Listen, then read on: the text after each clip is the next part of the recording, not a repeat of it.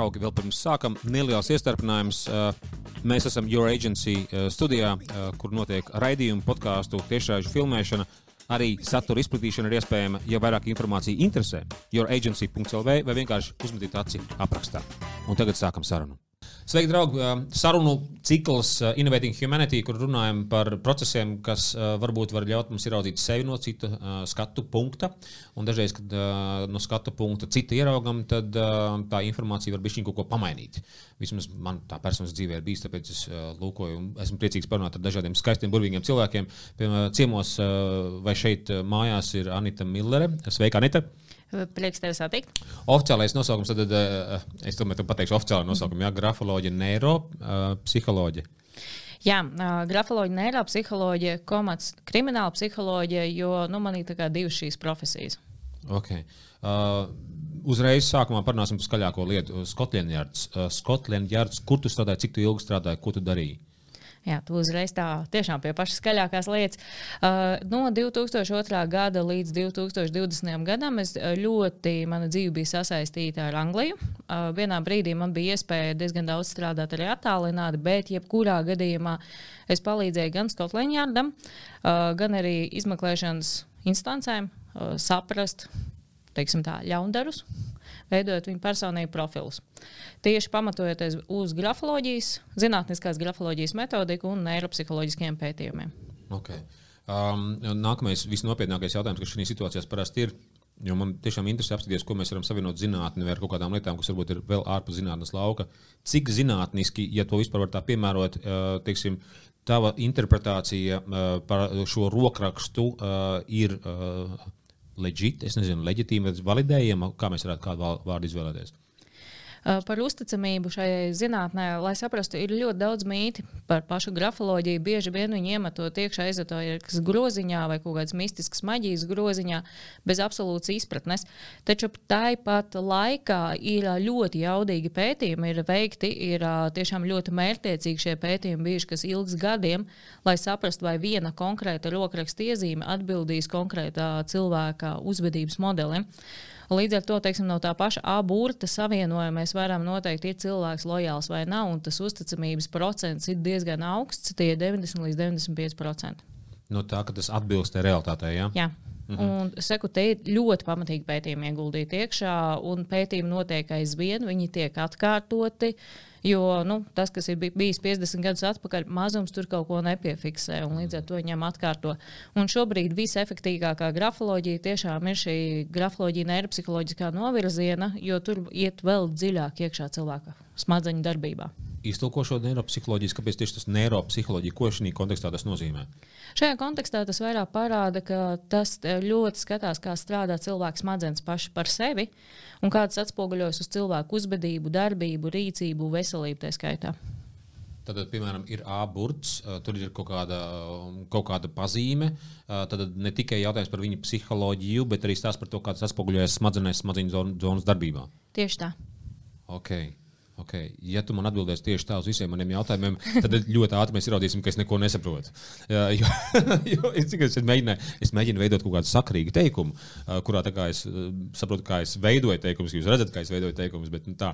Jebkurā gadījumā man ir milzīgs prieks par to, ka mēs iepazināmies ar tevi pirms kaut kāda, es neatceros, četriem, pieciem mēnešiem un vienā pasākumā, un tu man tiešām pozitīvi pārsteidzi ar to intensitāti un savā ziņā precizitāti, kā tu raksturoji manu rokrakstu. Es neteiktu, ka es esmu cilvēks, kas sev perfekti zina un tā tālāk, līdz ar to tur mums visiem vēl jāmācās. Bet, Tad, tad tiešām tas ir patīkami pārsteidz. Un jautājums, tad, cik ilgi tu ar to nodarbojies, cik ilgi tu esi sevi slīpējis un krājis šo informāciju par šo grafoloģiju? Šogad sanāk, ja nemaldos, augusta vidū būs 21 apakšgads. Okay. Un kā tu runāji? Kas tev, kas tev pamudināja? Bija kaut kāds dziļais ģenētiskais impulss? Nē, absolūta apstākļu sakritība un nejaušības principi vistīrākie. Par grafoloģijas pati vispirms uzzināju, nu, man nebija pilni 16 gadi. Tēvs pasūtīja tajā laikā lauka avīze bija.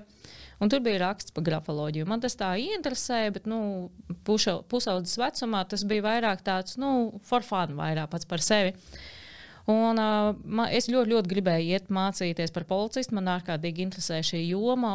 Man vecāki pateica, nu, nē, nekādā gadījumā mēs tev neļausim. Es ļoti saspītējos un pateicu, ka iešu uz pirmo profesiju, ko es atradīšu pēc alfabēta balstoties. Un es aizgāju uz biroja darba organizatoriem. Kā saprotu, es tālu pa to alfabētu tiešām negāju. Es šādu spītības līmeni nebiju dzirdējis. Tas ir apbrīnojami. Okay.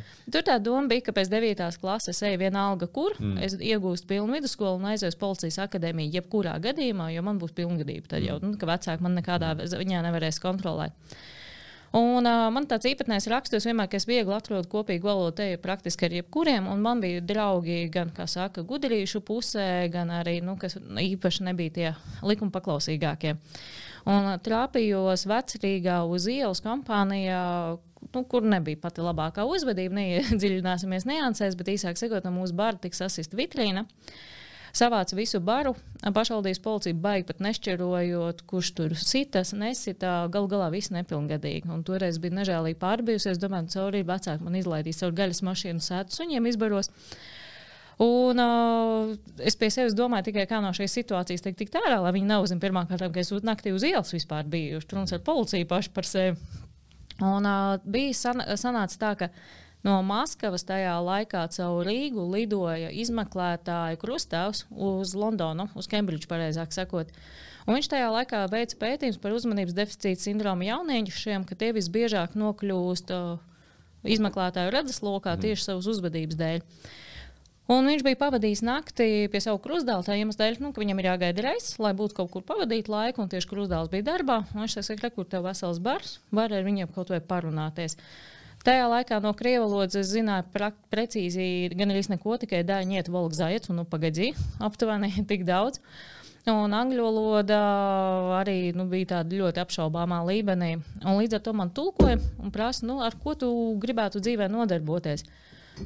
Un es nezinu, kāpēc es pateicu, es gribu būt grafologs. Kāpēc? Uh, nav ne jausmas, es līdz šim brīdim to. Un tas izraisīja milzīgu interesi, vai es vispār zinu, kas tas ir. Uh, Man sāk tika uzdot jautājums pēc jautājuma. Beigās, ka, ja tu apsolies izcili pabeigt vidusskolu, es tev dodu stipendiju Kembridžas Universitātei, plus paralēli varēsi apgūt grafoloģiju.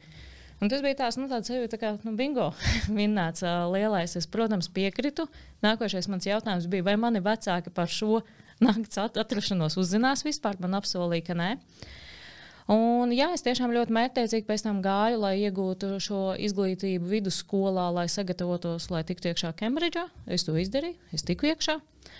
Un, jā, tā arī aizgāja man mācīšanās. Sākotnēji man interesēja vairāk psihoterapija, bet vienā brīdī sapratu, ka neiropsiholoģija ir mans virziens, ko es tiešām gribu vairāk apgūt.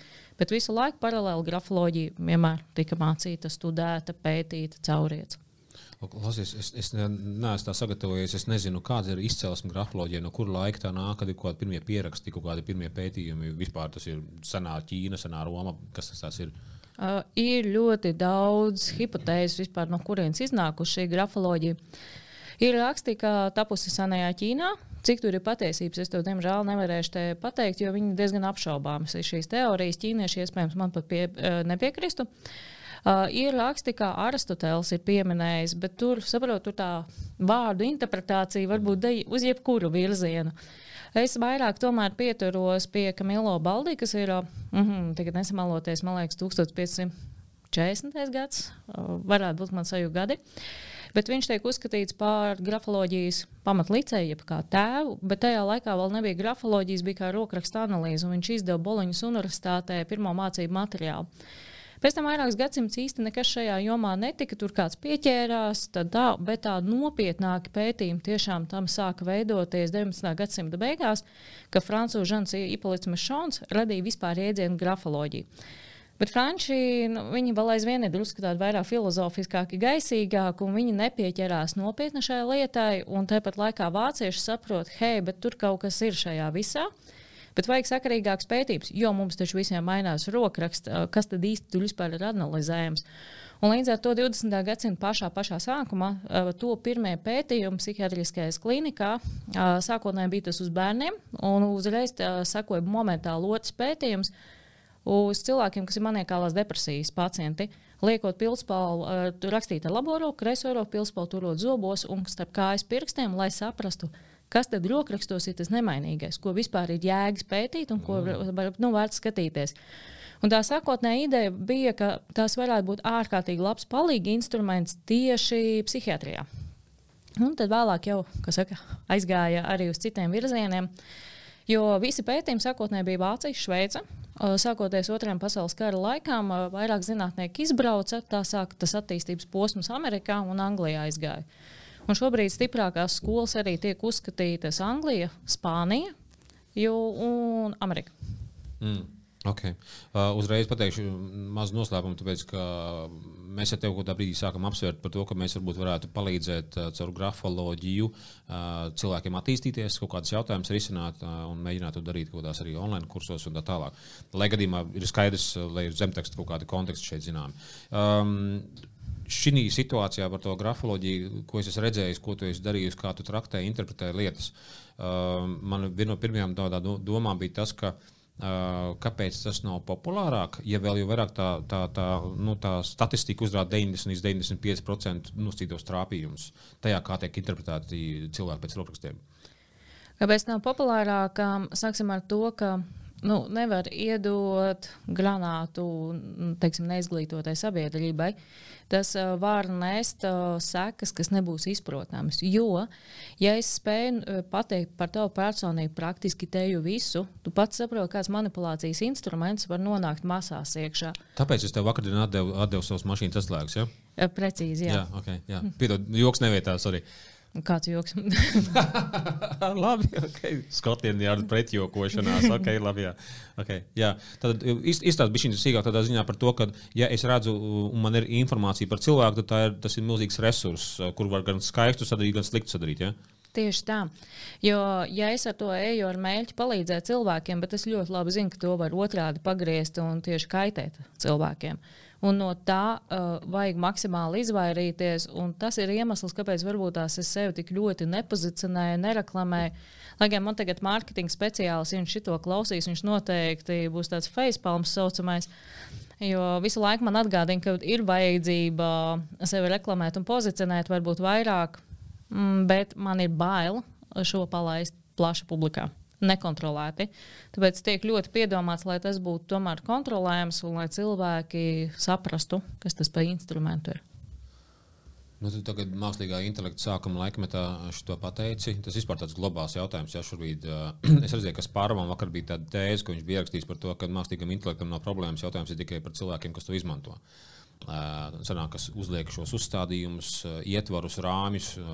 Tas, ka ir, bija ātrie kredīti, kas parādījās, viņiem varbūt nav nekādas problēmas. Jautājums, kā viņi tiek pielietot, un, nu, lai neaizbrauc no Latvijas 200 tūkstoši cilvēku. Tā, okay. Kur tu izmantot visvairāk no, no savas lielās pieredzes, kur tu visvairāk izmanto tu grafoloģiju kā tādu, lai palīdzētu cilvēkiem?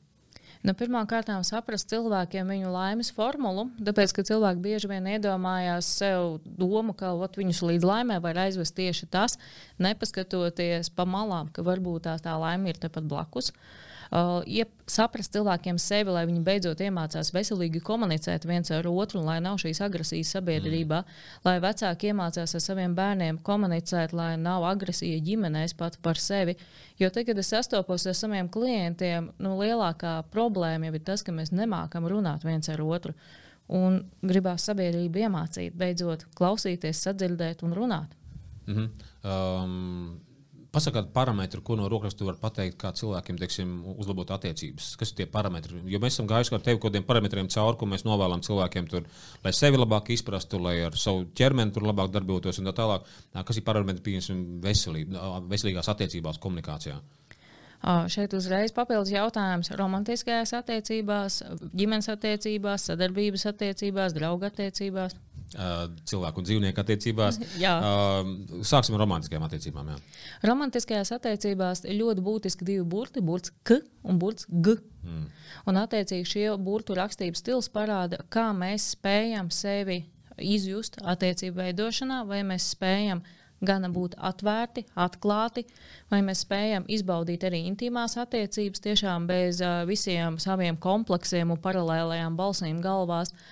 Un līdz ar to tas arī parāda, cik ļoti mēs spējam uzticēties, un vai mēs esam radīti monogāmijai, poligāmijai, un kāda ir mūsu seksualitāte kopumā. Mm -hmm. Šis ir interesants, ap citu, ka uh, daudziem cilvēkiem, mm, kā lai te pasaka, kuri dzīvo šī modelī par to, ka es ceru, par mani neuzinās visu. Uh, šī ir viena no dīvainām lietām. Tad man ir bijusi pieredze darboties un būt kopā ar cilvēkiem, kas ļoti labi redz zemapziņu. Nu, to ezoteriskā, to, ezoterikā to sauc par auras redz un tā tālāk, bet ir runa tieši par to, ka cilvēki nolasa informāciju no tavas zemapziņas, ko tu vispār esi dzīvē darījis. Un tu sēdi tā kā burtiski tādā rengenā, tu esi kails. Cilvēks var noticēt, not, nocitēt to, ko tu esi darījis pirms trim stundām, pirms desmit dienām, ko tu esi darījis bērnībā. Viss ir redzams. Tu esi burtiski kails. Tur bija viena situācija, kur uh, kaut kāds cilvēks uh, tur sēž kaut kur tur, kaut kādā lauka vidū, un uh, tas uh, skolotājs tur skatās no malas. Piedod, lūdzu, neiespringst, es tāpat zinu par tevi visu. Netēlo, ka tu esi labāks, vēl kaut kāds, vēl kaut kāds. Un ļoti daudziem cilvēkiem ir bail no tā, man liekas. Un es domāju, ka, ja tu ļoti daudz informācijas no turienes ievāc, tad uh, ir kaut kādi cilvēki, teikuši, ka viņi jūtas nērti, samulsuši no tā. Uh, to es dzirdu ļoti bieži. Un es apzināti bieži vien nepasaku līdz galam kaut kādas lietas, vienkārši lai cilvēks manā klātbūtnē pavisam nejūtās slikti, jo šī kauna sajūta var veidoties. Un kā man ļoti labi draugi ir pateikuši, jā, tavā priekšā, nu, burtiski dvēseliski kails tu jūties, jo man ir visa informācija par viņiem uz rokas. Jautājums ir, kā es to izmantoju. Un visbiežāk es uh, cenšos aizmirst, jo ne visu es tiešām gribu zināt par saviem draugiem apkārt. Uh, tas tas asāks vārds ir ētika. Tas ir kaut kāds robežs, uh, kas ir ārkārtīgi, ārkārtīgi svarīgs. To pašu patiesībā var teikt arī par astrologiem. To var teikt par uh, tam, uh, palmas vai plaukstu līniju lasītājiem. Un, nu, ļoti daudz tādas dažādas tās lietas un tā tālāk. Un tā joprojām, uh. -huh. um, kas ir? Var pateikt kaut kādu gadījumu, kas tev likās, nezinu, tāds ļoti skaists gadījums, kas tev likās, ak, Dievs, tā ir viena forša lieta, ko es esmu izdarījis, kas esmu palīdzējis kaut kam. Droši vien tev ir daudz tādu bijuši. Bet, uh. Jā, es burtiski samulsu, kuru no visiem tagad stāstīt. Uh, viens laikam, no pēdējiem bija situācija ar jaunieti, kurām gadi 19, ļoti slikts attiecības ar vecākiem, nu, burtiski nekādas kopš 16 gadiem. Tur narkotikas, alkohols, vispār pamesta skola, darba nav. Viņš nonāca pie manis, tāpēc, ka viņa krusmāte palūdza atnākt ar to domu, ka es viņu spēju iedvesmot, savākt, lai vismaz kurā virzienā attīstītu. Un, uh, Es pieskāros tieši tām viņas lielākajām sāpēm, kādas viņam pašatiesībā ir, ka viņš jūtas vientuļš, ka viņš jūtas pamests, ka viņš jūtas nesaprasts. Es sāku stāstīt par viņa paša domām, kas viņa galvā darās iekšā, un viņš vienkārši sabruka manā priekšā, sāka raudāt. Viņš teica, nekad neviens mūžā nav painteresējies par šiem jautājumiem, ko tu tagad šobrīd runā. Mm. Un rezultātā mēs vienojāmies, klausies, bet varbūt tās ir vērts atjaunot attiecības ar taviem vecākiem. Es palīdzēju viņam sastādīt jautājumus un veidus, kā viņš varētu uzrunāt savus vecākus. Un rezultātā tiešām, kas bija pats unikālākais un fēnākais, māma sāka ar viņu runāt, komunicēt, un uh, viņš sāka uzlabot savas attiecības ar tēvu. Nedaudz grūtāk tas gāja, bet vienalga. Viņš atgriezās skolā, šobrīd mācās 11. klasē. Un uh, viss viņš ir mainījies, un arī vecāki ir mainījuši savu attieksmi pret viņu, sajūtot, kur bija tā kļūda, ka viņi bija vienkārši aizmirsuši, ka bērnam ir pilnīgi cita pasaule, citas domas, citas idejas. Un tas bija, ka iekšēji tu saproti, hei, bet es esmu saglābusi ģimeni, un es esmu vienam jaunietim tiešām izglābusi nākotni, jo tur varēja beigties pavisam savādāk. Mm -hmm. nu, tas tāds, ka savus plecus gribās uzsist. Tad bieži tā ir. Ka gribās savus plecus? Uh, patiesībā jā, jo redzot, ka cilvēks sasparojās, saņemās un viņš maina kaut kādas savas negatīvās lietas uz pozitīvajām. Nu, tad iekšā ir tāda misijas sajūta, ka tu sajūti, hei, bet es izdaru kaut ko fēnu, un labu un liederīgu. Un es zinu, ka šis labais cilvēks, viņš kā tāda fēna gaismiņa ies, un viņš spēs arī citiem padarīt dzīvi nedaudz labāku. Mm -hmm. Šī arī interesanta lieta, ap man bija jātrenējās. Nu, pēc mācībām cilvēku kaut ko labu, varbūt saka, par mācībās kaut kas ir bijis. Man bija jātrenējās pieņemt to par pilnu, nu, tā tiešām atvērties tam. Uh, un, uh, citu, es iedomājos, ka kā tu izmantoji šo rokrakstu, lai sevi attīstītu. Patiesībā es pie tā visu laiku strādāju, un reizēm ir tāds, ka kaut kur ātrumā raksta, es ieskatos savā rokrakstā, tāds, jā, es zinu, zinu. Piemēram, kādu piemēru pateikt? Uh, vienkārši piemērs ir, es ļoti, esmu ļoti paškritisks attiecībā pret sevi, un es cilvēkiem bieži vien mācu, nu, kā ir pareizi sevi paškritizēt, ka nevajag pārspīlēt. Un tad man ir niķis, ka es tomēr arī eju galējībā, jo man gribās to produktu uzlabot nu, līdz tādai pilnībai, ka aizēju perfekcionismā. Un tad tiešām, ka es varu negulēt naktīm tikai tāpēc, ka man vajag būt redz vienu lietu līdz galam izpētīt un saprast, kā rezultātā mazāk guļu un attiecīgi vispārējais seks no tā iziet. Un rokraksts jau to ļoti labi atspoguļo. Nu, hei, tev ir laiks atpūsties, paņem pauzi, bet tāds - nē, nē, nē, es varu vēl. Bet tu nerunā par šī brīža rokrakstu, runā par rokrakstu kopumā, ka rokraksts strādā, ka tev ir principā balansēts dzīves modelis, tev tā, ka tu māki atpūsties, ja tas tev jā, jāintegrē iekšā vairāk. Ja? Tieši tā. Un, uh, mēs, mainot savu rokrakstu, varam uzlabot savas īpašības, bet tas ir jādara ļoti gudri. Nevar tagad, es tagad pateikšu jums ir pazīmes, kas ir jāmaina, un tagad visi jūs uzlabosiet sevi. Un tu, tu ierosini cilvēkiem caur rokrakstu mainīt. Tad sāc rakstīt savādāk, un tev mainīsies savu raksturiezīmes. Tas ir kā palīgi instruments. Viens no. Viens mm. no, nu, mm -hmm. nevajadzētu to izvēlēties kā vienīgo. Mm -hmm. Mm -hmm. Bet, nu, kāpēc ne? Un tu esi kaut kādas sevi lietas caur šo mainījusi. Ja? Es esmu uzlabojusi sevi, spēju ilgtermiņā fizisko izturību pašu par sevi, kas man ir ļoti vajadzīga un noderīga. Bet, bet tu, tad tu biji, tu policistu akadēmijā, tad tu esi bijis fiziski aktīvs, vai ne? Pareizi, tu esi fiziski aktīvs cilvēks kā tāds. Policijas akadēmijā es neesmu Tu studējis. nebija, nestudēji. Jā, tu uzreiz biji Kembridža un uzreiz uh, Skotlandjārds uh, un tā. Aha. Man ir gan īpaša apmācība militārajā jomā, bet o, tas bija sen. okay, labi. Uh, Līdz ar to, nu, ar to fizisko izturību druskuļi zaudēt šajā ziņā. Starp citu, no rokas ļoti labi sev pašdisciplīnu var uzlabot. Nu, kad tu saproti, ka ir lietas, pie kā nu, tu gribi sevi uzlabot, un tad mm. vajag pašdisciplīnu primāri. Nu, tad ir arī to ļoti forši var mainīt sevi. No, un tad, tu, ar ko tu darbojies, to paškritiku, tas tas, ko tu mainīji. Un tu viņu mainīji arī to, ar to, ka tu rokraksts sāk bija šī savādāk taisīt, vai kā? Jā, man pat šķiet, viņš glītāks palika tas rokraksts kaut kādā brīdī. Es iemācījos veselīgāk skatīties uz saviem rezultātiem mm. un uh, varbūt ne tik ietiepīgi dzīties, bet iemācīties plašāk paskatīties. Un, un tad vairs nav zin, kā, tā taisnā virzienā. Tu skaties, bet tu ieraugi, ah, bet es varu šitā, šitā, šitā izdarīt. Es varu palūgt palīdzību kādam no saviem kolēģiem, un tad arī daudz lietas noteikti izrādās ātrāk, ja paprasti kādam palīdzību. Mm -hmm. Vai tas ir tiešām iedvesmojoši? Kas arī interesanti tagad, to, ka, uh, ai, tad tev ir mans rokraksts. Uh -huh. Tad uh, par mani zina visu. Uh -huh. Un, uh, es, es, es iedomājos, es biju ārkārtīgi noslēgts cilvēks līdz kaut kādiem gadiem, 30 stabili. Es biju nu, tas, kas visiem tur patīk, un atkal es varu tev to nestāstīt, tā- tāpēc, ka viņi to zina. Bet uh, par to, ka uh, tas ir tiešām interesanti, ka tev viss, vis, kas ir, uh, sanāk jautājums ir no manas puses, vai es tev prasu to, ja? Tad, piemēram, ja ir pieprasījums, tad tu atbildi. Bet bija vēl baigi interesanta lieta.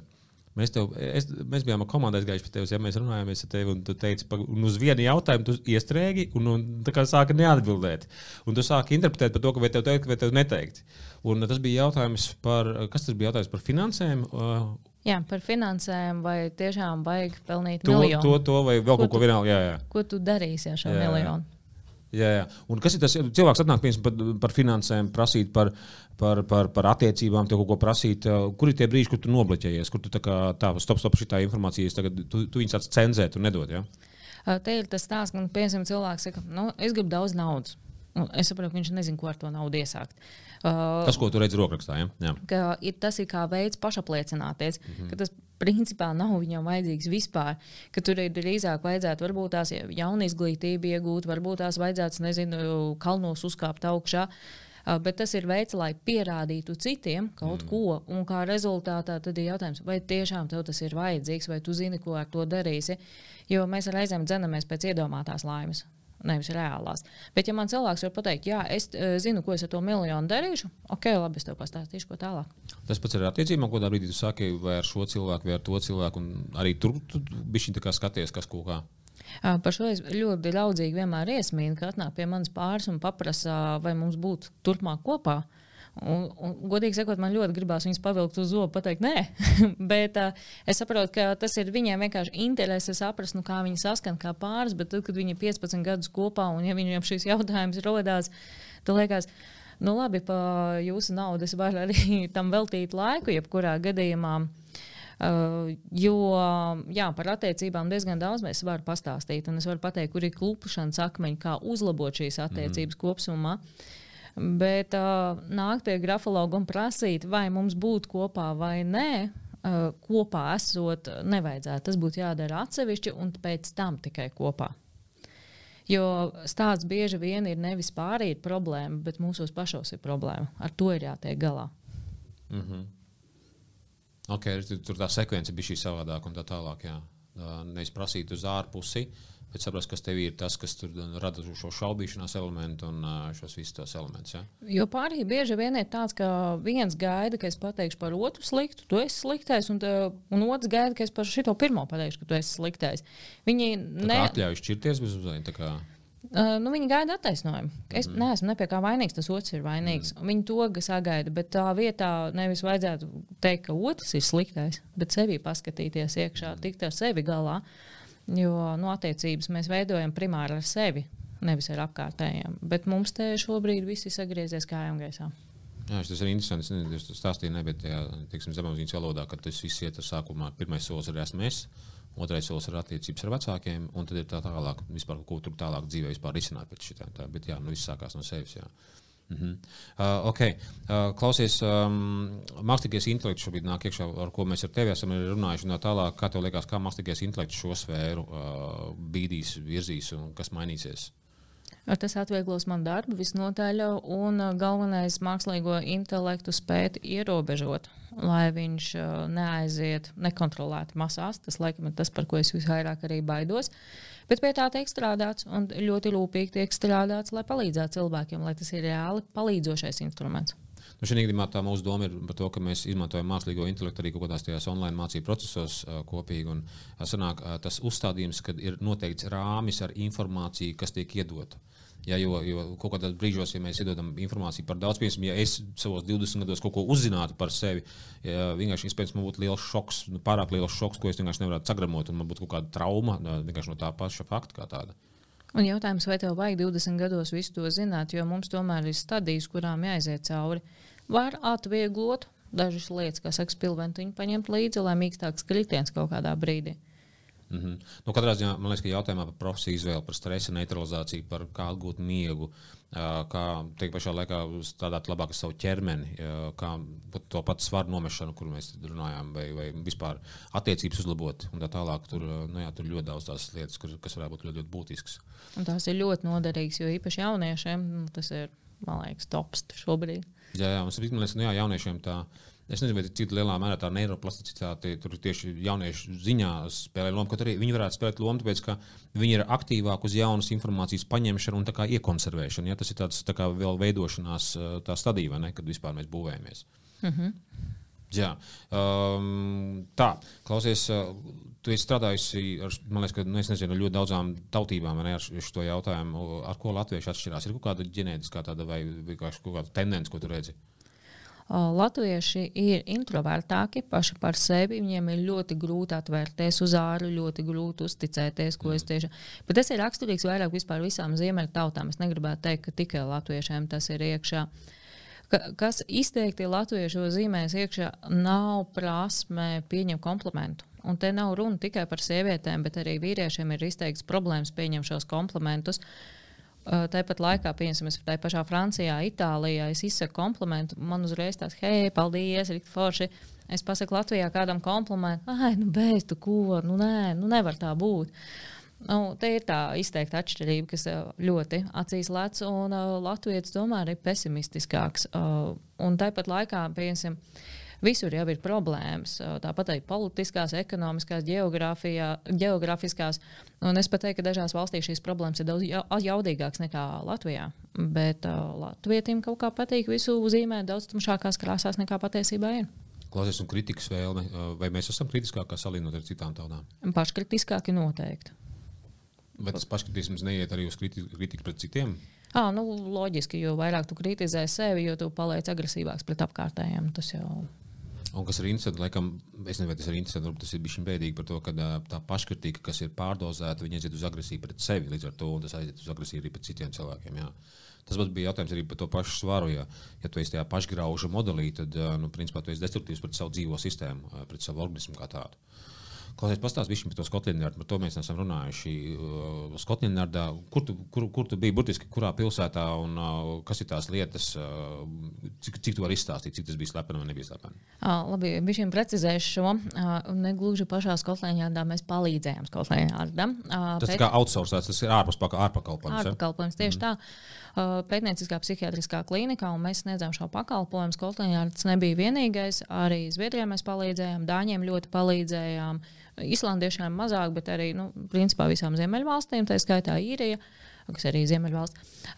Kanāda, Amerika, Šveice, Francija, Spānija. Spānija ļoti to laiku sadraudzējusi, tāpēc man aizvien tur ir kontakti izteikti. Tāpēc spāņu valodu mācīties tagad. Jā, ah, ļoti patīk. Labi, labi, labi. Ah, jā, dzīst. Es viņu mācos beidzot runāt normāli, nevis tikai saprast. Uh, jā, Krievija bija ļoti ilgstoša sadarbība, bet uh, nu, tagad jau pašsaprotamu iemeslu dēļ vispār visi ir gali nogriezti. Bet tāpat laikā teiksim, kaut kādas draudzības ar normāliem cilvēkiem, kas arī neatbalsta Putina režīmu, mēs aizvien uzturam un arī kaut kādas sadarbības veidojam, kad ir nepieciešams. Un, jā, kas vēl tāds interesants. Un ko jūs darījāt? Jā, ko jūs darījāt? Kas, kas bija tas, tas nezinu, tā funkcionalitāte, teiksim, Skotlandē bija krimināli gadījumi? Ja? Piemēram? Visiem bija krimināli. Mums savādāk, ne, mm. savādākas pat lietas nebija. Viss bija sarežģīts. Jo, nu, principā, tad, kad viņi paši netika galā un vajadzēja palīdzību, tad tikai mūs piesaistīja. Un biežākās situācijas bija tādas, ka ir apsūdzētais, bet īstenībā nav pierādījumu. Un ir vajadzīgs izprast, kā ar šo cilvēku komunicēt. Lai, sap, lai viņš sāktu runāt, lai viņš sāktu atklāties, un vai vispār ir vērts viņu tālāk tirdīt. Varbūt tas viņš nav spējīgs veikt nekādu noziegumu. Uh, un, es ļoti ilgstoši strādāju tieši ar pedofīlijas lietām, jo tur vajag nu, tomēr bišķiņa citādāk domāšanas stilu, nu, ka tu neesi pārāk emocionāls savā ziņā. Uh, vien, Kad nu, tas cilvēks nav emocionāls vai, vai es, tu neesi emocionāls? Kā speciālists. Mm. Un līdz ar to man šīs lietas tika vairāk uzticētas, jo man bija vienkāršāk pieiet racionāli, neiedziļinoties upurī. Jo ļoti daudziem ir grūti tiešām šādas lietas paņemt uz sevi Nu, tu sāc pārdzīvot par daudz, un te var veidoties ne tie labākie secinājumi, ka subjektivitāte pieslēdzās, mm. ka tu mm. vairs neesi tik racionāls. Uh, pēc tam man pašai bija viņa apnika, jo tas likās diezgan garlaicīgi, nu, ka visu laiku ir viens un tas pats, un tu no jauna neattīsties un neko jaunu neiegūst. Plus man sāk likties, ka apkārt ir tikai viena pedofila. Uh, es pati uzprasījos vairākus finanšu noziegumiem strādāt. Un tad bija atkal interesanti, jo tur ir pilnīgi cits domāšanas stils, pilnīgi citādāks uzvedības modelis, un tur jau bija interesanti arī pētījumi šajā virzienā virzīt jaunus un skatīties, kā tas strādā un darbojas. Un tur vairāk ar Šveici sadarbojāmies. Mm, okay. uh, var kādu spilgtu gadījumu pastāstīt? Uh, par finanšu ne, noziegumu. Nepārkāpjot kaut kādus uh, NDA līgumus vai kā tos sauc. Uh, ir viens tāds uh, notikums, ļoti interesants. Tas būs slepkavības lieta. Uh, ka man atsūtīja rokrakstu paraugu un saka, klausies, tu vari lūdzu sniegt vērtējumu par šo cilvēku. Un viss jau būtu labi par to rokrakstu, bet tas rokraksts bija uz nogalinātā cilvēka vēdera uzrakstīts wow, virsū. Wow. Un, uh, jautājums bija par to, kas to ir rakstījis, uh, kāds varētu būt cilvēks pats par sevi, kāds ir viņa uzvedības veids. Uh, Un pēc rokraksta aptuveni var nojaust gan dzimumu, gan aptuvenos parametrus, kā nu, izmēra ziņā, cik liels ir cilvēks. Bet tas ir aptuveni. Tas nebūs tā baigi precīzi. Un uh, es, kad veicu to analīzi, es saku, klausieties, nu, sevi, tā ir uh, maiga rakstura dāma. Pat par, nu, ko nozīmē maiga? Tāda sīciņa, malciņa, uh, nogalinātais, nu, tas tiešām skāpjas divreiz divi. Un toreiz izmeklētājs mēs, nu, tu kaut ko kļūdies, nevar būt, bez tam ir kādam spēkam jābūt. Bet tiešām izrādījās slepkava, sīka jaunkundze, nē, bet kundze uh, metrs, man liekas, 56 ar kaut ko ļoti dieviņas malciņā, bet viņas tas niknums bija, ka partneris viņu ir krāpis. Nu, tā ļoti, ļoti pamatīgs pie tam. Nu, tur bija arī teksts par to, to es to pelnīju, tāpēc, ka krāpju un tā tālāk. Sievietes ir ļoti atriebīgas. uh, es ceru, ka ne visas. Uh. Oh, tu paklusi, šis bija tas brīdis, kad tu paklusēji. Ok, labi.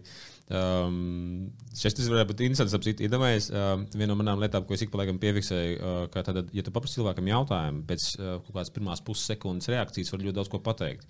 Jo prāts vēl neslēdzās, vienkārši ir tāda zemapziņas reakcija, un tad tev arī kaut kāda lieta paprasa, un tad principā sanāk, ok, labi, uh, skaidrs, jā. Uh, labi, uh, tad. tad um, Kur no sfērām Latvijā, piemēram, kur tev liekas, kurš to lietiņu varētu tā vieglāk integrēt? Jo man, zin, kā, man viss vienmēr aiziet uz izglītību. Man vienmēr, nu, tā ir mana kaut kāda tāda stēle. Uh, vispār brīnums, kas tajos mēdījos iegāja, jo jaunības posmā, bet uh, tas bija vajadzīgs un tā. Bet, uh, kur tev liekas, kur tas ir akūti nepieciešams? Re, tu pieminēji jauniešus nedaudz?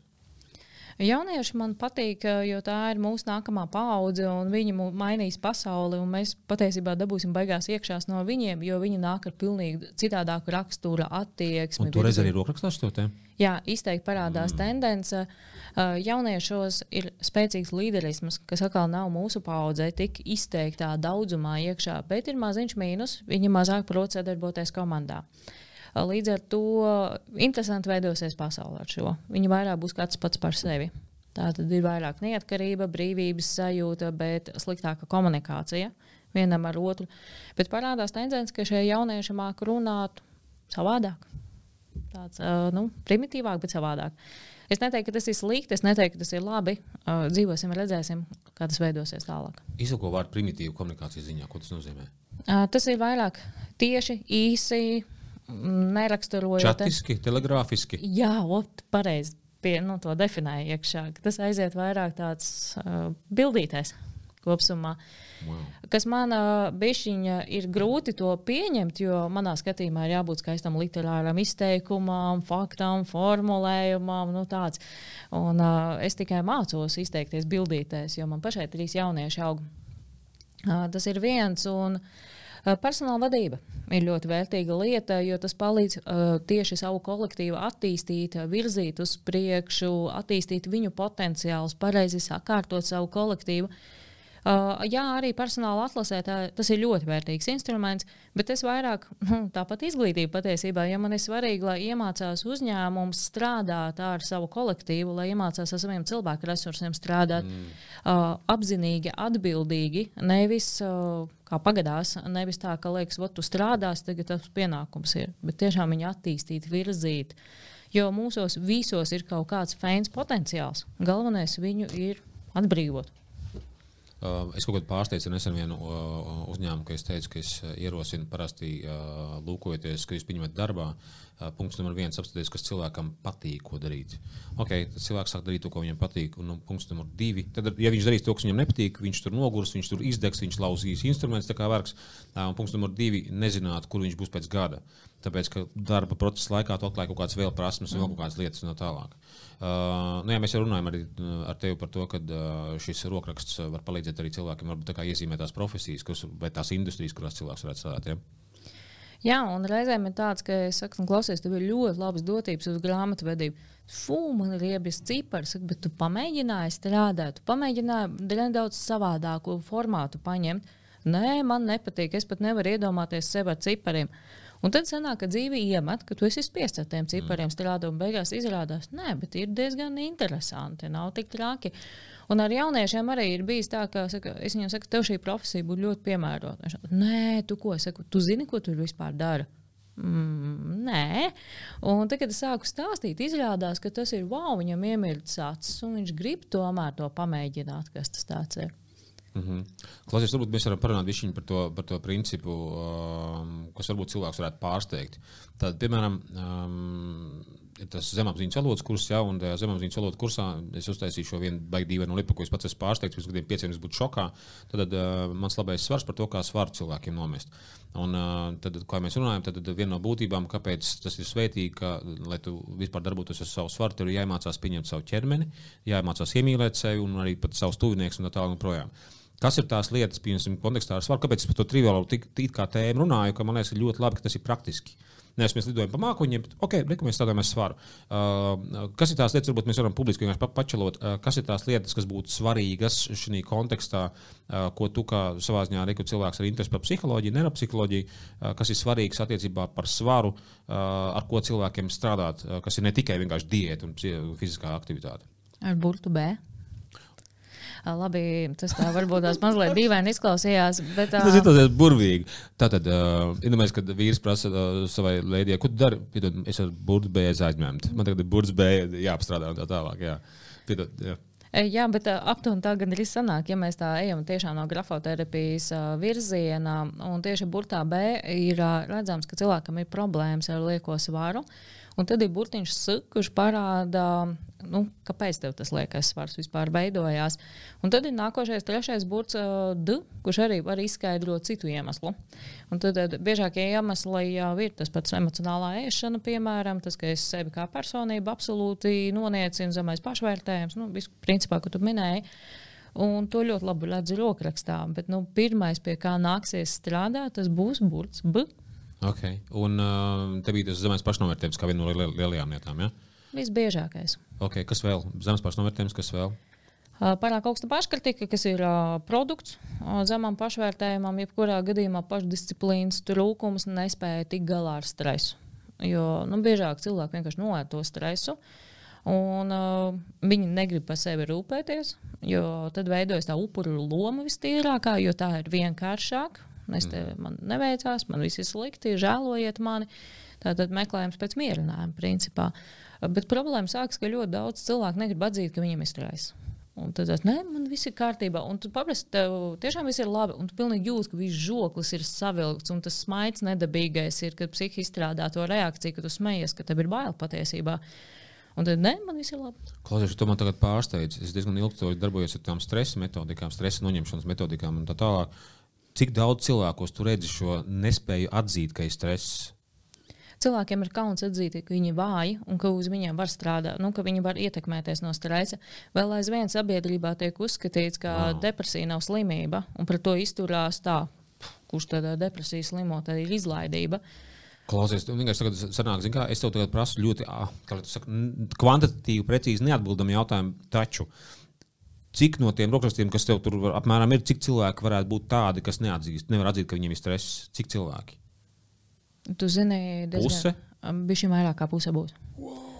Uh, jo es atzīstu to, ka man piemīt stress var tikai vieda personība, kas dzīvē ir uh, nu, spējīga domāt mazliet augstākos līmeņos. Okay, tagad man bija šī šokē, tā iemesla dēļ, ka es domāju, tas procents varētu būt kaut kādi 10, 20, tad tu saki pār 50. Ko tu saproti ar jēdzienu, nevar atzīt stresu? Kā tu to saproti, kā tu to tavā interpretācijā?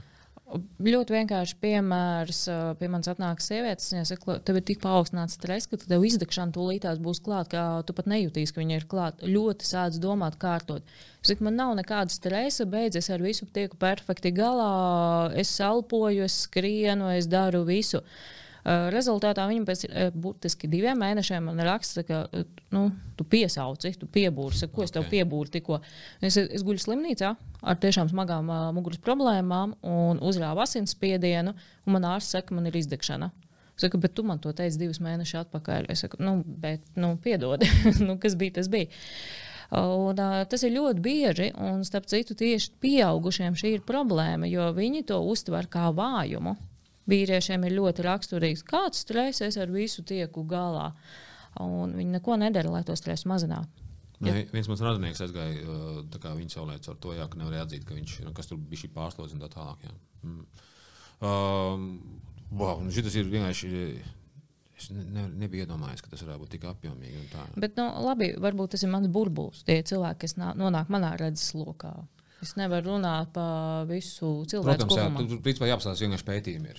Es domāju, ka tādu pētījumu par stresu ir ļoti daudz, līdz ar to tur var ieraudzīt. Vienkārši man ik pa laikam ir tāds milzīgs jautājums, kāpēc ir kaut kādas, es pateikšu, dīvaini, bet vakums pēc nepieciešamības, pēc labas izglītības. Ar domu saprast, tur ir tāds kalambūrs ar trijiem soļiem, bet principā mums maz cilvēkiem ir nepieciešamība pēc labas izglītības. Jūs sevišķi pēc savas attīstības. Ir ļoti daudz cilvēku, kas esmu redzējis garīgajā attīstībā, kas spēlē garīgu attīstību. Viņi spēlē, viņi tādā ziņā, ka viņi izlasa un citē, un citē, un citē, un tad viņi dod padomus citiem, un tad jautājums, vai tu pats to dari. Nu, jā, es jau reku pirms gada kaut ko tur darīju. Nu, piemēram, ja? un tad šis ir stāsts par to, ka tas pirmais solis lietas nenosaukšana vārdā ir tik ārkārtīgi daudziem vēl sperams.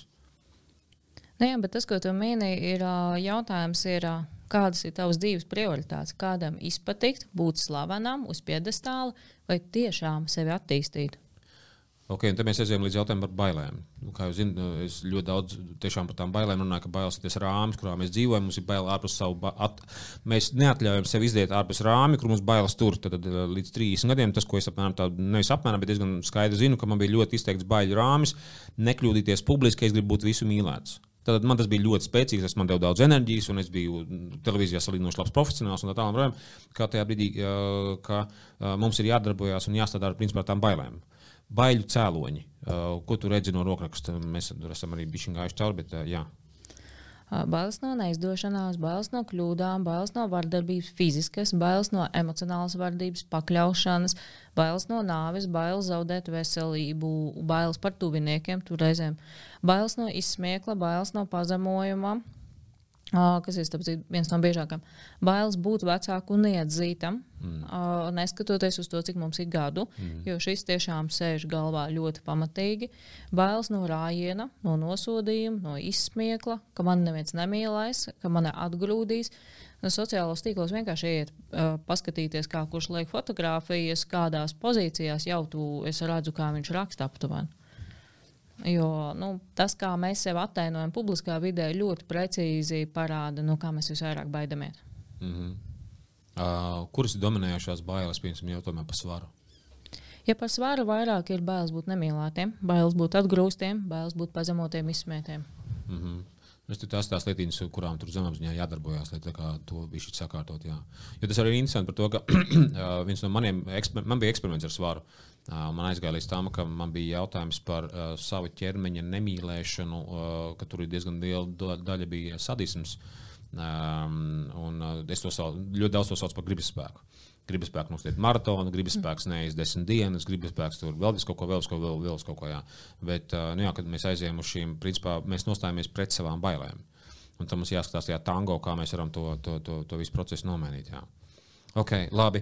Uh, šis par latviešiem ārkārtīgi tiešām interesanti, jo es domāju, ka pa laikam, ka, uh, kas ir interesants, arī Lietuva, Latvija un Igaunija diezgan daudz emigrē cilvēku ārā. Nu, skaidrs, ka tur ir ekonomiskās kaut kādas situācijas un tā tālāk, uh, taču uh, vai tur varētu būt arī, tagad tas ir ārpus grafoloģijas laikiem jautājums vai tēma, ko es tagad tā vienkārši virpinu par to, ka, uh, ka, um, ka šī vide, uh, viņā trūkst tāda siltuma, tādas uh, cilvēku mīlestības, cilvēku cieņas, un tāpēc cilvēki varbūt ir tādi, ka viņi te grauž, grauž lielāka kritika pret sevi, pret citiem, un tad, principā, arī tā tendence, ka uh, cilvēki brauc vairāk no šejienes projām.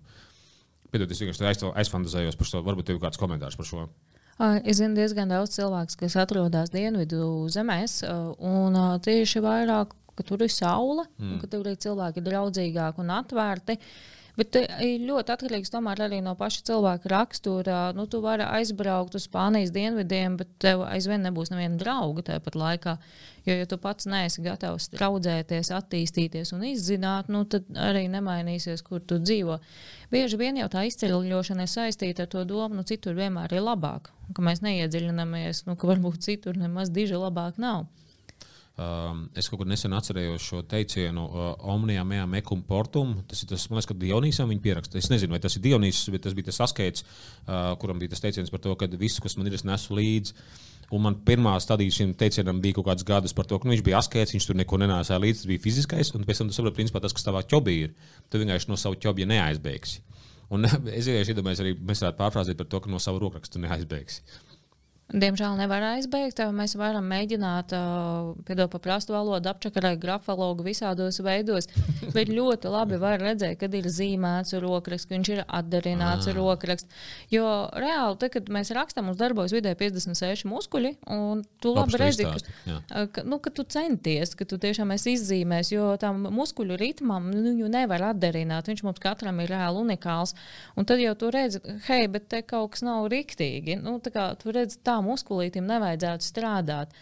Un uh, bieži redz, kad izzīmēts, un reizēm, kad cilvēks man atnes rokrakstu, saka, nu, klausies, nu, tu gan centies rakstīt glītu. Kā jūs zinat? Saka, nu, burti ir, var redzēt, iespiesti pilnīgi, kad veidojas nu, tādā lēzenā līnijā, kad muskuļi baigi kontrolēti. Nu, tās, tas ir ļoti pie cenšanās visbiežākais. Uh, Un, uh, tagad pie manis raksta, kad es diktēju, ko rakstīt, es redzu, ka cilvēks beigas cenšas. Tad es uh, sāku fonā visu kaut ko stāstīt, runāt tikai lai viņi izsistu no tās domas, ka jācenšas, lai viņš dabiskāk raksta. Tas ir tas paradoks par to, ka tu atnāc pie ārsta un tu sāc slēpt, slēpt ko tu dari. Bet it kā tev ir mērķis izārstīties. Nu, tā.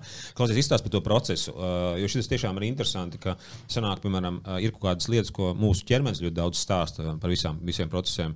Uh, rokraksts, tad tu teici 56 muskuļi. Uh, kā vispār tas process notiek savā ziņā? Piemēram, tā ir mūsu kaut kāda zemapziņa, bezapziņa, kas nāk caur rokrakstu ārā. Kā tas, ko tu zini? Droši vien rekurors smadzenēm, kā tas darbojas nervu sistēmā, kā tur ir iesaistīta. Tur ir izteikti iesaistīta nervu sistēma, muskuļi ir ļoti spēcīgi iesaistīti iekšā. Un tieši šī muskuļu un nervu sistēmas darbība labi atspoguļo, kā strādā pašas smadzenes. Tad, kā tas atspoguļojas smadzenēm, tas tā vienkāršāk runājot. Uh, Un, būtībā tas ir vienkārši sakot, smadzeņu raksts vis ar visiem impulsiem. Līdz ar to, starp citu, tas ir iemesls, kāpēc no rokraksta var pateikt, ka ir problēmas ar muguru. Jo arī ļoti daudz muskuļu mums ir sasaistīti. Un tu labi redz, ka kaut kāds klikšķis ir, kas norāda, ka kaut kur kaut kāds muskulis nestrādā, kam ir saistība ar muguru. Wow. Man pirms pieciem gadiem, nu, es ar to zemapziņas valodas metodiku, to savu muguru sakārtoju. Uh, gribu uzsvērt, uh, atradot labu ārstu, kas man tur kaut kādas labas lietas pateica par psihosomātiku. Bet uh, tad man būtu, man tagad ir sakārtojusies tā mugura, burtiski tiešām tur ļoti labi. Uh, man pamainījās rokraksts, sanāk, tā? Jā, visticamāk, jā, bet parasti normāli cilvēki to neredz. nu, nu, tas ir, ko mm. redzēs speciāls, ka tās šeit tu veido savādāk, jo leņķīti šeit ir savādāks uzspiediens parādījies un tam līdzīgi. Tāpat arī neiroloģiskās saslimšanas ļoti labi redz rokrakstā, nu, jo tam ir saistība ar roku. Un man vislabāk patīk, ka cilvēki, kad atnāk, saka, ej, klausies, man, es aizmirsu brīlis, es nezinu, kā es uzrakstīšu. Saku, tu neraksti ar acīm, tu raksti ar muskuļiem, muskuļu atmiņa raksta. Tu neraksti ar acīm, tu raksti ar, ar restīvi, tā ir motorika, ja? jā, tā motorikas atmiņa. Ja? Tieši tā. Sanāk smadzenēs tā daļa, kas ir, es tagad fantazēju, bazālā ganglija kopā ar motorikas atbildīgajām daļām, tās kopā raksta. Principā ļoti forši pētījumi ir. Viņus var sagūglēt, ja labi grib. Uh, tad, kad cilvēks rakstņā strādā, teju visi smadzeņu apgabali.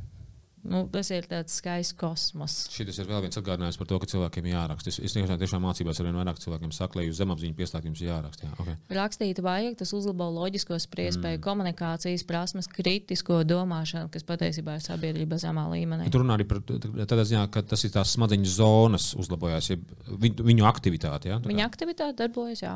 Okay, jā. Mēs vairāk nu, spējām to vārdu krājums uzlabojās, stress mazinās. Starp citu, viens no veidiem, veidiem, ko arī ļoti daudz psiholo psihologi arī iesaka, izrakst ārā to visu. Mm. Ok, ok. O, es tur klausos, uh, baigi interesanti par to, uh, par to muguras uh, lietu redzēšanu un tā tālāk. Mainz. Bet patiesībā mūsdienās, ja godīgi, man vairs nav jāskatās uz rokrakstā, lai redzētu, ka ir muguras problēmas. Nu, pieaugušiem cilvēkiem, nu, teju gan arī visiem, ļoti, ļoti reti, kam nav muguras problēmas. Uh, savilkties kausti, pleci, uh, muguras lejasdaļas ārkārtīgi daudziem ir starp lāpstiņām. Uh, nu, kā mēs tad sēžam? Vienmēr šķīvi. Klausies, vai tas, uh, tu redzi šīs izmaiņas pēdējos 20 gados, jau sevišķi, piemēram, tāpēc, ka ir da vairāk datoru, laptopu un tā tālāk? Pat mazāk pēdējo četru gadu laikā ļoti pamatīgi. Tieši četru gadu uzrāviens, kā, ja? Nu, jā. Tā sanāk, otrs uzrāviens ir uh, trauksmes, uh, uzmācīgas domas, paranoiskas domas izteikti. Tās ir pēdējo divu gadu laikā. Bet nu, tam izskatās vistīrākās uh, pandēmijas sekas. Wow. Okay, Sapratu, vēl pandēmijas kontekstā, kas vēl, no, ko tu piefiksēji, kas pandēmijā parādījās? Vairāk nekas tāds interesants. Nē, es pat esmu ļoti pētījumu procesā šajā ziņā, jo tagad sākās pandēmija. Es biju viena no tiem, kas uh, pat skaļi daudz runāja, ka nedrīkst mūs uh, ierobežot, jo tas beigsies slikti. Nu, ir jāmeklē citas alternatīvas. Vienalga mm. ir jāiet ārā, ir jākomunicē, jādara viss. Es uh, nebiju pret teiksim, ierobežojumiem kā tādiem, es biju pret kā tie ierobežojumi tika veidoti. Jo Es sapratu, ka tas nebeigsies labi, un to saprata visi, kas bija gan psihologi, gan psihoterapeiti. Viņi zināja, ka tas noteikti nebeigsies labi, un viņš arī nebeidzās, diemžēl, labi. Jo cilvēki palika antisociālāki, agresīvāki, emocionāli nospiestāki, vientuļāki, lai cik tas savādi nebūtu. Ļoti daudz nesaskaņas sāk veidoties. Tās pašas trauksmes, nemieras, bailes pieaug ļoti daudziem. Mm -hmm.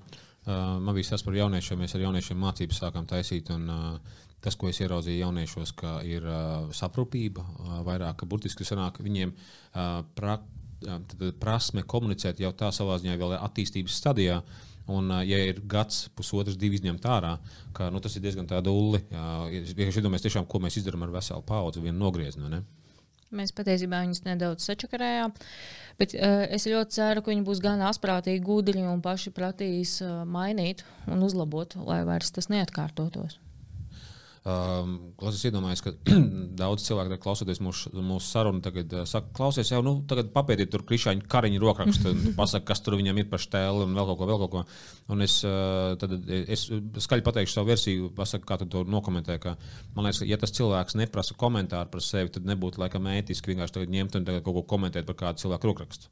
Uh, tieši tā, un es arī ļoti toleranti atteiktos to darīt. Uh, Bet, ja mēs runājam par politiķiem, kurš būtu gatavs būt viņu vietā?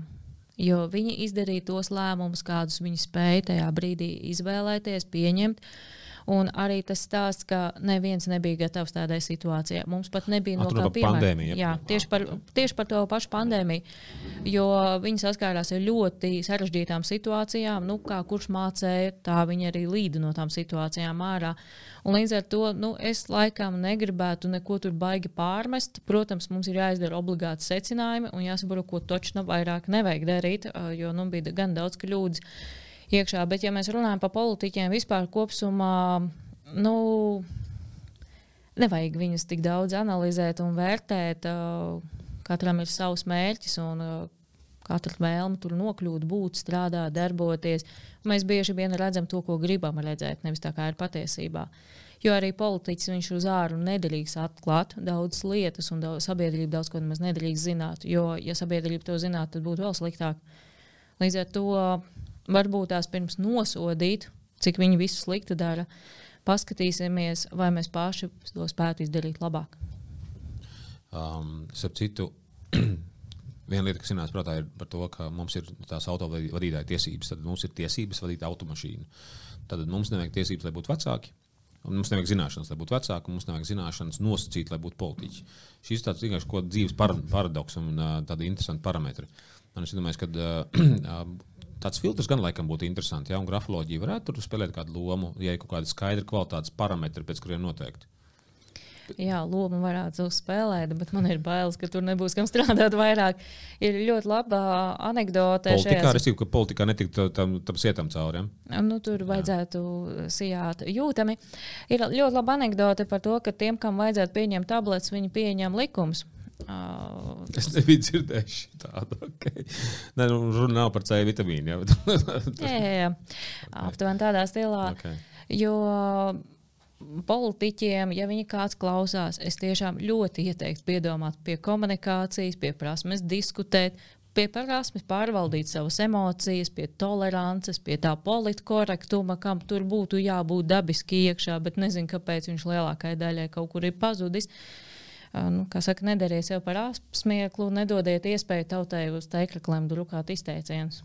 Mēs aizgājām tādā sociālā politiskā tēmā iekšā. Bet, nu jā, man tas tāpat tā saka, aizvilks uz izglītību, jo man liekas, ka ir bezjēdzīgi atkal kaut ko vainot. Cenāk, mēs atkal esam kaut kādā upuru režīmā.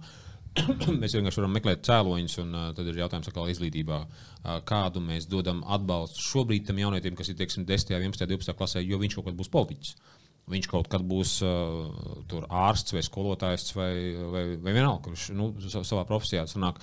Mums ir 12 gadu laika, lai iedotu cilvēkam kaut kādas dzīves prasmes. Vai esošā sabiedrība un izglītības sistēma ir tāda, ka mēs tās prasmes varam iedot?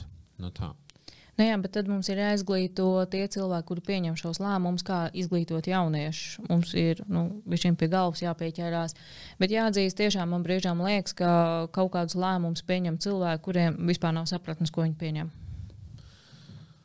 Uh, Tātad, lai nebūtu, neietu, lai saruna vienkārši neietu tā teikt, pēc tās noskaņas, liekas, ka kaut kas bija bijis jāmaina. Jo, jo tur ir īpnē tiešām, ka um, viens ļoti labs teiciens bija nesen, ko lasīju par to, ka uh, uh, labu cilvēku var sačakrēt jebkuru sistēmu. Jebkuru sliktu sistēmu var sačakrēt vislabāko cilvēku. Un tad ir stāsts par tām sistēmām, tad sistēma kaut kāds nosacījumu kopums, kā mēs strādājam, kāpēc mēs strādājam, vai mēs tēlojam, ka mēs strādājam, vai mēs tēlojam, ka mēs esam tikai atskaites no tālāk projām. Tas kaut kādas sistēmas, kurās arī tiksim, jaunieši kaut kādi ieiet iekšā. Man bija savulaik, kā izglītības ministrijā viena tikšanās, man teica, ka kaut kādi jaunieši, un es domāju, oh, jaunieši, labi, mm, super satiekamies, un tur bija jaunieši zem 30, divi cilvēki. Viņi bija 80 gadīgi pēc domāšanas modeļa, kāda bija tikuši iekšā tajā, tajā ministrijā, viņi bija, viņi bija reāli. Viņi bija divreiz vecāki par mani. Es tam nebija nozīme vecumam. Mm -hmm. Tur ir jautājums par to, kāda ir tā kultūra un ko tā kultūra paņem kādus cilvēkus un ko, nu, ko tā kultūra tiem citiem cilvēkiem izdara. Tā tā. Ko tu darītu izglītībā, ap citu ar grafoloģiju? Ko varētu izglītībā darīt ar grafoloģiju? Uh, tas ir ļoti labs instruments patiesībā, kā mēs varam saprast savus potenciālus, uh, saprast, uz kurien sev vairāk virzīt, uh, kur, kam atdot vairāk spēkus. Jo, piemēram, es uzskatu, ka sportu vajag visiem pilnībā, bet jautājums ir, kādu tieši mhm. sportu. Mm. Labi, šāds nav sports, lai gan man kāds varētu iebilst šajā ziņā. Bet, um, Lai tas ir arī mūzikai jābūt, arī jābūt kaut kādam mākslinieciskam, jo tas tomēr attīsta mūsu prātu, zināšanas, jābūt kultūrai obligāti iekšā. Bet tāpat laikā, cik lielās devās mēs to iedodam cilvēku bērnam iekšā un uz ko viņu vairāk pabīdīt. Jo nu, ne visi būs peldētāji, ne visi kāps kokos. Mums ir jāsaprot, kas uz ko ir spējīgāks, bet tāpat laikā mums ir jāiedod arī vispārināta izpratne par daudzām citām lietām. Es domāju, tas varētu būt diezgan traki, ko es tagad varētu skaļi pateikt, bet tā bija nefiltrējot. Ka, ja mēs sakārtojam to mākslīgā intelekta jautājumu, ka, piemēram, apstīties, vai mēs varam iedot kaut kādu, tur, nezinu, palaist kādu testu. Man ir paliekam kaut kādas skolas, tur zvanu un prasa, lai es kontekstā atrodu savu aizraušanos vai dzīves aicinājumu, kaut ko taisīt, kaut kādas mācības, un, un, un ka varbūt varētu uztaisīt kaut kādu atbalstu procesu šim visai lietai. Patiesībā var. Es šobrīd neredzu tādus beigos ierobežojumus. Es domāju, ka, zin, kā, uh, zinu, ka no izglītības ministrijas man viens nezvanīs, uh, varbūt no kaut kādām skolām piezvanīs, bet uh, mēs varam to pamēģināt, varbūt uztaisīt. Jo šī tēma, kaut kāds septiņus gadus to strādāju. Tā bija viena no lielajām sāpēm, ka es ieraudzīju, ka 86% cilvēku Latvijā nejūtās darbā motivēti. Tad viņi nav atraduši savu darbu. Tā ir principā tāda pandēmija. Viņi sāk saukt par pandēmiju pirms pieciem gadiem. Es viņu laikam piesaucu. uh, bet uh, jā, tā ir baigā, baigā milzīgā problēma. Ka to mēs varētu saķimrēt. Uh, tādā ziņā tas mākslīgais intelekts labu lietiņu varētu darīt. Jā, šis būtu ātri un nesāpīgi, manuprāt. Cik mīlīgs nu, apzīmējums. Uh, Ziks ir īpatnēji par to, ka uh, tad, tu esi nodzīvojis, bet, bet tu esi dzīvojis Anglijā. Ja? Uh, cik ilgi tu esi dzīvojis Anglijā? Pēdējā?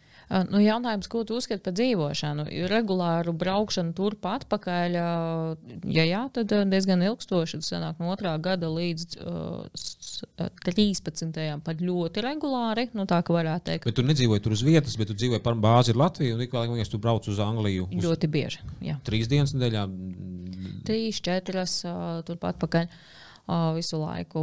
Kaut kādā brīdī nogurs, protams, no tā, bet tad, kad tu pierodi, ja tā aizdomājās, es šobrīd, man liekas, no savas mājas līdz darbam arī reizēm braucu divas ar pus stundas sastrēgumos, no nu, aptuveni tikpat, cik ir uz Angliju aizlidot. Okay. No, nu, es pārspīlēju nedaudz, bet. Nu, bet Kembridžā, kad tu mācījies, tad tu dzīvoji uz vietas pareizi? Lielākoties, jā.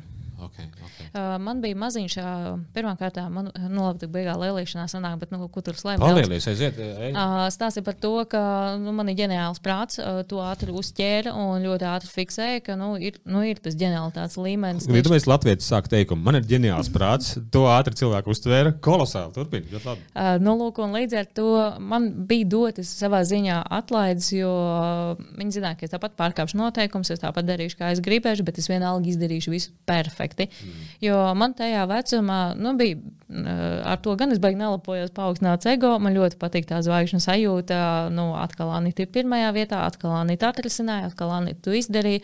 Nu, šausmīgi patika eh, tā sajūta. Un man jau bija maziņš puika vecākais. Un līdz ar to, lai man būtu kā mammai arī vieglāk pastāvēt un eksistēt, man deva šo iespēju daudz lietas darīt attālināt. Jo es pateicu, es jums parādīšu, ka es to varu darīt attālināt, man nav obligāti jābūt uz vietas. Ļoti pretojās, ļoti negribēju to pieļaut, bet es parādīju, ka es to varu. Man tiešām nāca pretī ar nosacījumu, ka vienmēr es esmu sasniedzama, sazvanāma, nu, lai nebūtu tā, ka es kaut kādā brīdī nepaceļu klausuli. Un tas tāds man bija. Nu, bija tāds izredzētā status. uh, par to savu ceļu iešanu vai savu risinājumu meklēšanu, uh, jā, es atpazīstu. Un man kāpēc liekas, ka tā ir uh, tāda dzīva prāta pazīme. Uh, jo, kas zīmīgi, liekas, ka dzīvam prātam, vispār dzīvam cilvēkam ir šī pašsaglabāšanās vai ergonomika iekšā pēc būtības, jo mūsu bioloģija ir ergonomika. Tad smadzenes darbojas pēc mazākā patēriņa iespējamā principa. Tad, ja viņi var netērēt enerģiju, atceroties, kā ieslēgt slēdzi kaut kur tur garāžā vai vannas istabā, nu, tad netērēs enerģiju. Ne? Mm. Tas būs automātiski, tā tas pats. Jā. Uh, un man liekas, tas ir tiešām dzīves prāts. Uh, okay, vai, kā mēs varam darīt to efektīvāk? Tas ir dzīve. Ja, un, uh, tas arī tiek ļoti augstu vērtēts, tas, ka tu spēj skatīties nestandartā, nevis uh, pakļauties visam, ko tev saka. Jo šis arī ir tāds. Bet tas bija tieši tajā klīnikā, tu to ļoti novērtēji. Tieši klīnikā, kur tu strādāji. Ja? Nu, tur te jau gan arī vien tie paši cilvēki bija. Bet tas privāts uzņēmums, tā ir privātā struktūra, tas nav valsts uzņēmums. Ja? Bija privātā, šobrīd viņi vispār nepastāv. Viņi pārgāja valsts sektorā, un uh, citi īpašnieki tagad uh, tā ir vienkārši psihiatrijas klīnika. Okay, jā. Uh, bet, nu, labi, tas tā jau kā tas viss um, pārmainījās. Bet, jā, tajā laikā es vēl students skaitījos un uh, praktizēju uzreiz psihiatrijas pētnieciskajā klīnikā. Un tur man ļoti, ļoti novērtēja. Un, protams, tā zvaigžņu sajūta ārkārtīgi patika. Bet es esmu priecīgs par saviem dzīves pārbaudījumiem, kas man nāca pēc tam, kas varbūt tās izklausās gan dramatiski, bet man viņi ļoti būtiski mainīja prātu. Es saslimu ar leukēmiju, tā nu, diezgan nepatīkamā veidā, kad man paziņoja, ka nu, maksimums līdz 23 gadi iz, izbilksi. Un man radās iekšā nu, tāds nenormāls dzīves pars, iekšā, un sapratu, ka es kaut ko dzīvē daru nepareizi. Un tā pirmā doma bija tāda, es esmu pār uh, egoistisku pret šo pasauli, ka es savas zināšanas pārāk daudz izmantoju, lai pašapliecinātos, tā vietā, lai palīdzētu citiem. Un, uh, es ļoti labi atceros, ka es atrados uh, slimnīcā uz kārtējām zāļu terapijām, un es satiku uh, tādu vecu sirmu kungu, kurām bija cita onkoloģija. Viņš spēlēja šādu, man ļoti patīk šādu spēlēt. Es, ne, es ļoti slikti spēlēju šādu, gan uh, viņš tāds liekas un saprot. Un viņš saka, zini, kas dzīvē ir pats svarīgākais. Un es tur ļoti gudri sāku stāstīt, kas ir svarīgs, kādas ir vērtības. Un viņš pasaka, tas ir laiks, kā tu viņu pavadi. Un tas man ļoti, ļoti iesēdās galvā tajā ziņā. Es varu savu laiku pavadīt, īdot, cik viss ir slikti, bet es varu pavadīt savu laiku meklējot risinājumus, kā visu padarīt labāku. Es varu savu laiku tērēt, uh, sūdzoties, apskaukājot, skaužot vai vēl kaut ko, bet es varu tērēt savu laiku, lai uzlabotu savu ikdienu un lai man būtu tas, ko es vēlos. Un šis tiešām iedeva tādu nu, sitienu pa smadzenēm, un ļoti priecājos, ka man izdevās izārstēties. Man ir vairāk par 30 gadiem, daudz vairāk. Līdz ar to tas bija tāds pārdzīv, nu, teiksim, pārbaudījums dzīvē, kas laikam man ievirzīja pareizajā virzienā. Jo es reizēm esmu aizdomājusies, ja nekas tāds nebūtu bijis, kur es būtu tagad, ko es tagad darītu. Nu, droši vien Anglijā kaut kur uh, spridzinātu, cik es esmu krūta un forša, bet uh, kāds labums no tā būtu. Šis ir interesanti par to dzīves airu, vai ne? Atnāk dzīves airas un kā, uzdāvina uh, kaut kādas atklāsmes. Cik gados tas tev bija? Uh, sanāk, uh, baigā rēķināšana sanāk uh, 20 deviņos gados man paziņoja, ka es esmu vesela. Un ja man 4, 25. Diezgan agri, ļoti agri patiesībā. Jā, bet tas bija uh, laicīgi. Nu, tad ziņā tu strauji lidoji. Ja? Tad ziņā, tu, tu biji Ikarus, Ikara modelī, ja? tu, tu lidoji un tā. Jā. Mhm. Okay. Okay. Es, um, es apsveicu tevi. Tiešām es apsveicu tevi, uh, ka tu esi izgājis ārā nevis kā upuris, bet uh, kā, kā cilvēks, kas uh, ir paņēmis un mācījies. Jā. Un, uh, Vai tev kaut kas citu nomainījās arī tevā, kā aiziet uz grafoloģiju? Kaut kas rokrakstā nomainījās pēc tam? Rokraksts patiesībā man ļoti drastiski mainījās. Un, starp citu, no grafoloģijas esmu mēģinājis četras aiziet projām vispār. Uh, viena pirmā reize bija. Tas bija muļķīgs joks. Tu redzēji to rokrakstā? Uh, smieklīgi, bet jā. Uh, Jo tur bija nu, tāds, zin, tāds nu, sevis pažēlošana, priekš kā man to vajag, priekš kā man viss tas ir vajadzīgs un uh, jāmaina kaut kas dzīvē stabili. Uh, plus, uh, nu, teiksim, man apkārt esošā ģimene īpaši saprata, ar ko es nodarbojos, un līdz ar to. Ne īpaši sapratu vai sapratu? Nu, tā, ne īpaši gribēju to saprast, okay. tā, mhm. uzskatot, ka ir psihonozara, kāda starpība, kas tur man tālāk skan, ka tie nav īpaši normāli cilvēki vispār mm. pēc dabas, ka vajag mm. darīt kaut ko liederīgāku Jā. dzīvē. Un, uh, jā, es esmu mēģinājis darīt arī citas profesijas savā dzīvē, un, un vienmēr es tāpat atgriežos tur. Tad man ir tas iekšējais tas joks, ko es saku no sevis, jau neizbeigsi. Un, uh, jā, tas laikam visilgāk aiziešana prom no grafoloģijas bija tad, kad es saslimu. Jo tad es domāju, nē, man jāmaina viss dzīve, jāiet uz citu. Un tagad es sāku jau uz izārstēšanos. Es pat uzrakstīju saviem cilvēkiem, saku, es gribu atgriezties. Nu, jā, tad man bija jāiziet visas pārbaudas, jāpierāda, ka es aizvien esmu gudra. Pierādīju, ka tāda esmu, un tad man ņēma atpakaļ. Okay. Arī vēl interesanti, vēl atgriešanās atpakaļ tests, ja tādā ziņā. Vai? Jā, jo tam bija pamatots iemesls patiesībā, ja tu esi daudz barots ar medikamentiem un viss, nu, tiešām intelekts var kristies uz leju, var mainīties uzvedība, var viss kaut kas mainīties. Nu, tas bija diezgan pašsaprotami. Bet es ļoti priecājos, ka es uzrādīju augstākus rezultātus nekā pirms tam. Un tas tāds arī iekšēji. Super, tu māki lielīties. Tas ir kolosāli. Tas tiešām ir kolosāli. Uh, klausies, tu esi laikam tādā ziņā tas ir interesants uh, modelis, mēs astrologs. Tad astrologs ir pa veidisku astroloģiju. Esmu tur bijis interesējies. Es viens no tiem dīvainiem, kas skatās šādus instrumentus. Uh, un, un, um, Tad astrologs neredzēs, ka viņam kaut kas tur ir izmainījies. Piemēram, ka tur ir uh, Marsa pozīcija attiecībā pret Venēru nomainījies. Nē, tur kā ir, tā ir. Grafoloģiem savā ziņā tu redzi kaut kādas izmaiņas. Ja? Tad, kas ir tās izmaiņas, ko tu pieksi? Tu esi viens no tiem ratiem cilvēkiem, pirms slimības, pēc slimības, tu redzi kaut kādas izmaiņas sevī, ko tu ieraudzīji. Uh, jā, mainās burti par veselības jautājumiem. Uzreiz redz imūnsistēmas pavājināšanos. Nu, ir, un tad ir tāds, vai nu to piefiksē un kaut ko dara ar to, vai arī eh, viņi jau pāries. Nu, kā par lielāko daļu. Pirms tam tu redzēji kaut kādos burtos, kuros burtos piesaistīt imūnsistēmu. V burtā mazajā. V mazajā burtā tu redzēji imūnsistēmas ziņas pirms saslimšanas. Jā, un šis ir tas, par ko es esmu ļoti bieži domājis, kāpēc es to neņēmu nopietni vērā. Es varēju to ņemt vērā, bet uh, laikam tā vajadzēja. Nu, jāsaprot, ka es arī beigu vecā nebiju īpaši nu, teiksim, saprātīga. Tu biji gudra, bet nebija rātīga. Jā, ļoti pareizi precizējums. Okay, okay. Uh, un kas ir tas vēburts pēc tam parādījās? Kas tur parādījās? Nu, viņš maina izliekumu pašu par sevi, jo imūnsistēmas pamaininājums veido tādu dīvainu ieliekumu vēburtā uz iekšu, un tad, kad uh, viss ir plus-mínus normas robežās, viņš taisnojas. Uh, bet viņi neskatās vienu otru buburtu, kas vienalga ir jāskatās vienmēr kopā. Nu, viņi tā kā pārīts ir mm. par veselību. Klausies, es domāju, ka cilvēkiem, kuriem ir tāda racionālāka, zinātniskāka prāta, šī brīdī, nu, kas par sviestu? Nu, ko jūs vēburts, bēburts, imūnsistēma, nu, kāds vaiprāts? Tu vari pateikt kaut kādu loģiku, jo man, man patīk šo racionalizēt šīs lietas. Uh, piemēram, kāda varētu būt tas, kad ir uh, nervu sistēma, skaidrs, ka mūsu organisms kā dzīva kopēja autonoma sistēma, kas tādā, kur ir visa informācija vienlaicīgi. Kāds ar ko, piemēram, tas V-burts un tas ieliekums, kādā veidā viņš ir parādās šajā uh, rokrakstā tikai tāpēc, ka imūnsistēma ir vājāka. Atbilde ir 56 muskuļu, viņu miedarbība, ja? vai tur ir vēl kaut kāds elements, kas vienkārši tiešām to iedefinē. Uh, viens no tiem, uh, jā, tad, kad mēs, mūsu organisms paliek vājāks, mums arī muskuļi paliek vājāki paši par sevi.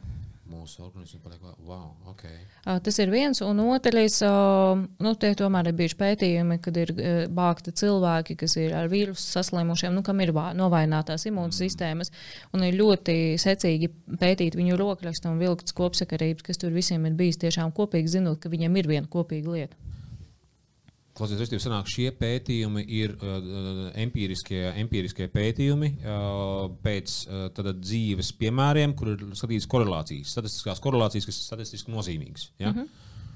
Wow. Tas arī man ļoti patīk. Grafoloģiem man vispār neko no pirksta nevajag izzīst. Kā ir, tā ir, tā ir metode. Ir tur tā, ir, nav, nav. No pirksta nevar izzīst panintended. Kā Latvijas tur tulkojās panintended? Nav nejausmas. um, Čut, es, ne, es tiešām zinu, ka viena no lietām, ko es tiešām angliski ļoti daudz uh, humora seriālos ir panintended un tā tālāk. Bet uh, šito es uh, nevaru īsti atklāt. Bet es tiešām no pirksta, es kā grafilogs no pirksta nevarēju izzīst. Tas skan diezgan, diezgan koķeti un tā, jā. Okay. Klausies, ārkārtīgi, ārkārtīgi prieks, kādām, ka mēs iepazināmies, ka, ka, ka mēs esam varējuši kaut kādas lietas virzīt un tā tālāk. Ja gadījumā vēlreiz uzsveru, tad. tad Uh, Anita ir mans rokraksts, viņa zina par mani visu. Līdz ar to paldies, vispār, ka atnācāt parunāties. Paldies, ka mēs runājam kopā par to, ka mēs varētu to mākslīgo intelektu varbūt likt lietā, lai, lai kaut kā cilvēkiem kaut kādas jautājumas risinātu, sākot no tā, ko profesija izvēlēties, kā ar savu zemapziņu strādāt, vai kā pat triviālā lieta, kas ir nozīmīga lieta par svaru un tā tālāk. Tiešām liels paldies tev par to. Vienmēr prieks padalīties informācijā. Tavs mārketinga cilvēks ir nevis viņam ir facepalm, bet viņam ir uh, face salute vai, vai kaut kas tamlīdzīgs.